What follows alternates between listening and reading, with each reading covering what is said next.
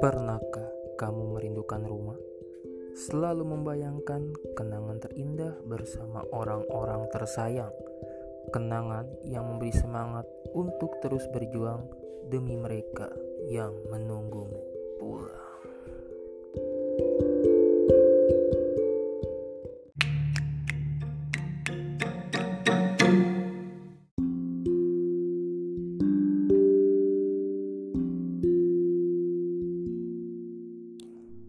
Assalamualaikum warahmatullahi wabarakatuh.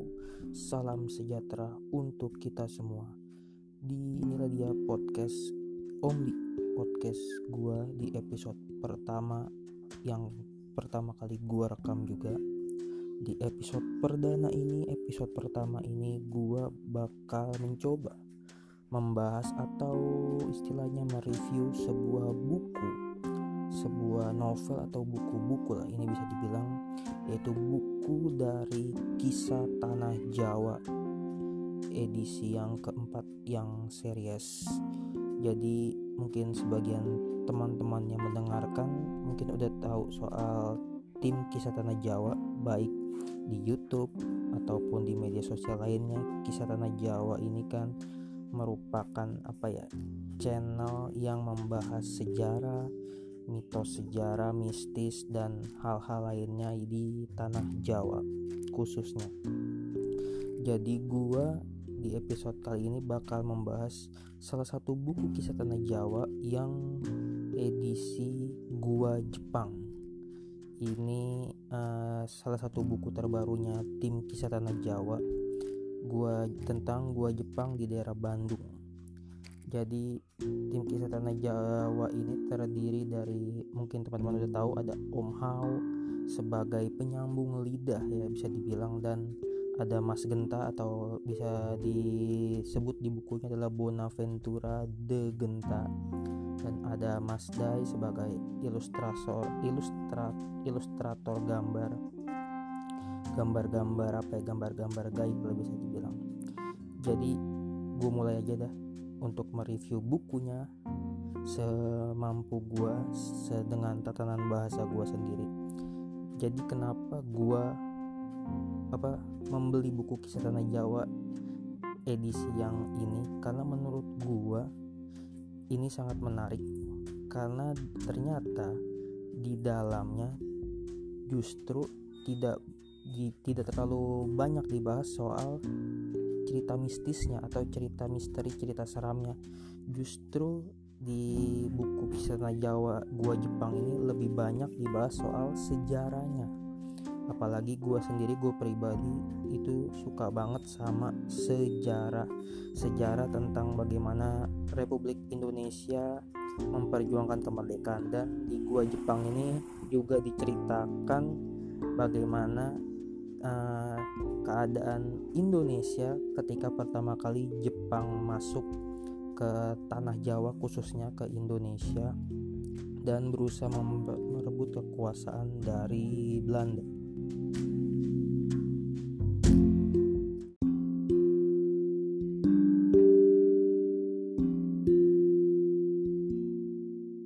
Jadi di buku Kisah Tanah Jawa Gua Jepang ini memfokuskan sebuah cerita dari seorang tentara Jepang yang bernama Kawai. Uh, jadi dia ini adalah jin korinnya dari um, tentara Jepang yang bernama Kawai ini yang mungkin bercerita kepada Om Hao dan menceritakan bagaimana perjalanan hidup dia yang bermula dari di Jepang sampai akhirnya tiba di Indonesia lalu akhirnya mengakhiri mengakhiri hidup atau meninggal di Indonesia tepatnya di Gua Jepang yang di daerah Bandung. Jadi Gua Jepang yang dimaksud ini adalah Gua Jepang yang ada di Bandung Utara di kawasan apa Bukit Dago Pakar, kawasan Taman Hutan Raya atau Tahura Insinyur Haji Juanda jadi dalam buku ini kan yang seperti gue bilang tadi itu menceritakan tentang perjalanan hidup uh, tentara Jepang bernama Kawai yang sebenarnya dia mempunyai hati yang baik banget. Bisa dibilang setelah gue baca bukunya ini dia itu uh, apa enggak apa ya enggak sekejam tentara-tentara Jepang yang apa menjajah Indonesia. Dia masih punya rasa belas kasihan terhadap rakyat Indonesia yang mungkin dulu menjadi korban kerja Romusa yang uh, pas membangun gua Jepang yang di Bandung itu dan gue menarik banget di sini menurut gue karena si Kawa ini bercerita tentang hidupnya dia semasa kecil bagaimana dia punya kakak yang selalu melindungi dia dan akhirnya memilih untuk menjadi ikut berperang bersama tentara Jepang. Lalu ayahnya juga seorang tentara. Jadi bisa dibilang si Kawai ini mengikuti jejak ayah dan kakaknya. Dan di sini juga diceritain kalau Kawai itu punya apa? kekasih, punya bisa bilang udah udah menikah mereka yaitu gue bernama Miyaki ya kan Miyaki adalah wanita yang sangat-sangat dicintai Kawai sepanjang hidupnya. Bahkan hingga mereka terpisah jauh antara Jepang dan Indonesia. Jadi sebenarnya si Kawai ini kalau di dalam buku ini dia bilang dia ini sebenarnya nggak mau ikut berperang. Tetapi dia harus apa yang mendedikasikan hidupnya untuk kaisar untuk negara bisa dibilang seperti itu di buku ini juga diceritain alasan kenapa Jepang atau dulu disebutnya Nippon Nippon. Kenapa mereka memilih Indonesia yang atau yang dulu namanya adalah Hindia Belanda sebagai negara yang mereka ingin jajah yaitu ingin mereka kuasai lah. Terus mereka juga mengaku sebagai Nippon ini datang masuk ke Indonesia mengaku sebagai saudara tua dengan propagandanya mungkin teman-teman juga udah pernah tahu kalau belajar sejarah ya pas zaman SD yaitu 3A ya Nippon Cahaya Asia, Nippon Pelindung Asia dan Nippon Pemimpin Asia. Itu adalah salah satu propagandanya Jepang yang bisa dibilang berhasil mengelabui rakyat Hindia Belanda atau Indonesia saat itu dan apa ya rakyat saat itu sangat hmm, bisa dibilang sangat respect terhadap Nippon dan menganggap Nippon sebagai pahlawan yang berhasil mengusir penjajah yaitu mengusir para Belanda mengusir Belanda dari India Belanda ke Indonesia.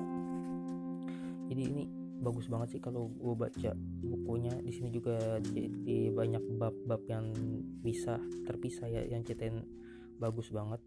Salah satunya yang gue ini adalah judulnya kaum pria kaum romusa seperti kita tahu romusa adalah sebutan apa ya, untuk para pekerja. Jadi pekerja yang dipekerjakan secara paksa oleh tentara Nippon oleh bangsa oleh orang Nippon orang Jepang. Dan saat itu gue juga baru tahu kalau ternyata it, uh, penyamaran istilah lah. Di saat itu mereka disebutnya pekerja ekonomi atau pahlawan pekerja. Padahal mereka bisa dibilang menjadi budak lah ya menjadi ya memang zaman-zaman Romusa itu. Terus di sini juga diceritain kenapa alasan apa kegunaan dari gua Jepangnya sendiri untuk ternyata untuk ini kan memperlindungi diri mereka dari kemungkinan serangan balasan sekutu ya. Yang saat itu sekutu dari dari Inggris Belanda. Ya pokoknya mungkin teman-teman udah pada tahu lah di pelajaran sejarah ya lalu ini ada yang seru banget perjalanan ke rumah panjang. Dan di sini ada apa komandan yang cukup bengis. Yang bernama Komandan Iwajima. Di ilustrasinya sendiri dibilangin kalau telah beberapa kali digambar namun masih kesulitan melacak garis wajahnya. Jadi uh, letak garis wajah sih tuh nggak jelas ya nggak begitu jelas cuman kayak ada tanduk di di kedua kepalanya itu kayaknya ini semuanya kodam terus di buku ini juga dijelasin tentang Shin Gunto. Shin Gunto tuh kayak apa ya senjata yang dipakai komandan Iwajima terus gue juga baru tahu soal Jugun Yanfu. Jugunianfo itu adalah bisa dibilang adalah budak seks yaitu budak seks untuk para tentara Nippon tentara-tentara Jepang saat itu yang di mana mereka menculik um, apa ya gadis-gadis Indonesia dan kebanyakan dari di rumah panjang Sukabumi. Dan mereka lebih memilih wanita-wanita Indonesia dibanding wanita wanita-wanita Belanda saat itu tentara Nippon dan ini parah banget sih gue apa baca soal Jugunianfu tuh bisa dibilang sedih banget ya. Parah gitu loh. Terus di sini juga ada soal Siti Aisyah tentang Siti Aisyah yang juga menjadi Jugun Yanfu. Lalu ada uh, Ayame yang juga um, apa ya sama-sama menjadi Jugun Yanfu bedanya Ayame ini menjadi geisha. Geisha itu kayak apa ya semacam sinden lah ya mungkin kalau di Indonesia gitu. Tapi kalau di Jepang disebutnya geisha. Yang sebenarnya dia itu gadis bumi Ayame ini. Cuman dia mahir berbahasa Jepang dan apa ya e, mempunyai kekasih lah. Atau suaminya Ayame ini adalah orang Jepang atau tentara Nippon sendiri jadi ini buku benar-benar wajib banget kalian baca sih menurut gua karena di sini bukan tentang misterinya aja loh tapi di sini benar-benar dibahas soal tentang bagaimana rasa cinta pada negara, rasa cinta pada kekasih atau pasangan dan sebuah pengorbanan untuk negara. Terus cukup sedih juga sih waktu uh, si Kawai ini meninggal akibat tertusuk oleh senjatanya Komandan Iwajima. Jadi mereka uh, ini Komandan Iwajima dan Kawai serta uh, Siti Aisyah itu ada Siti Aisyah adalah seorang Jugunian Fu juga yang meninggal secara bersama-sama di dalam sudut goa Jepang jadi di dalam buku ini menurut tim kisah Jawa jin Korea tuh masih ada. Jin Korea mereka masih tertinggal di sini. Dan si Kawai sendiri merasa apa ya sangat kesepian di dalam gua. Dia merasa sedih karena sebenarnya dia pengen banget pulang ke Jepang pulang ke negara asalnya. Tapi dia kayak tertahan di gua yang sepi banget. Ini gua kalau lagi baca tuh kayak bisa ngerasain gitu loh maksudnya. Kayak ketika si Kawai ini bilang di dalam buku kalau dia merasa apa kesepian di dalam gua yang gelap. Terus dia juga sering melihat apa ya uh, para korban Romusa yang meninggal di dalam gua.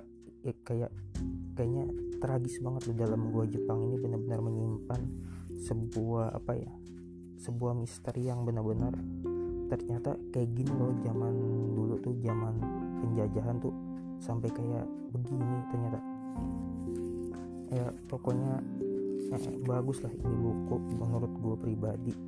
Di ya karena lebih banyak sejarahnya sih kalau menurut gue dibanding apa misteri atau mistisnya. Bahkan di sini juga ada tentang bom atom Hiroshima dan Nagasaki yang kalian ketahui yang merupakan awal dari akhir perang kedua.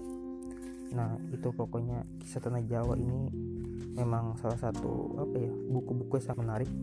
Dari enam buku gue suka banget sama yang gue Jepang ini karena bisa dibilang nggak banyak mistisnya tapi lebih ke sejarahnya lebih ke ya bukan sejarahnya lah. Ini benar-benar bagus banget diceritain dengan apa ya dengan jelas dan kita cepat bisa mencernanya dengan mudah lah kita. Salut lah buat tim kisah tanah Jawa dan teman-teman kisah tanah Jawa atau sobat Javanika ya udahlah segitu aja sekian dari gue review bukunya. Gue nggak mau spoiler banyak jadi kalian silahkan bisa beli buku ini kisah tanah Jawa gue Jepang.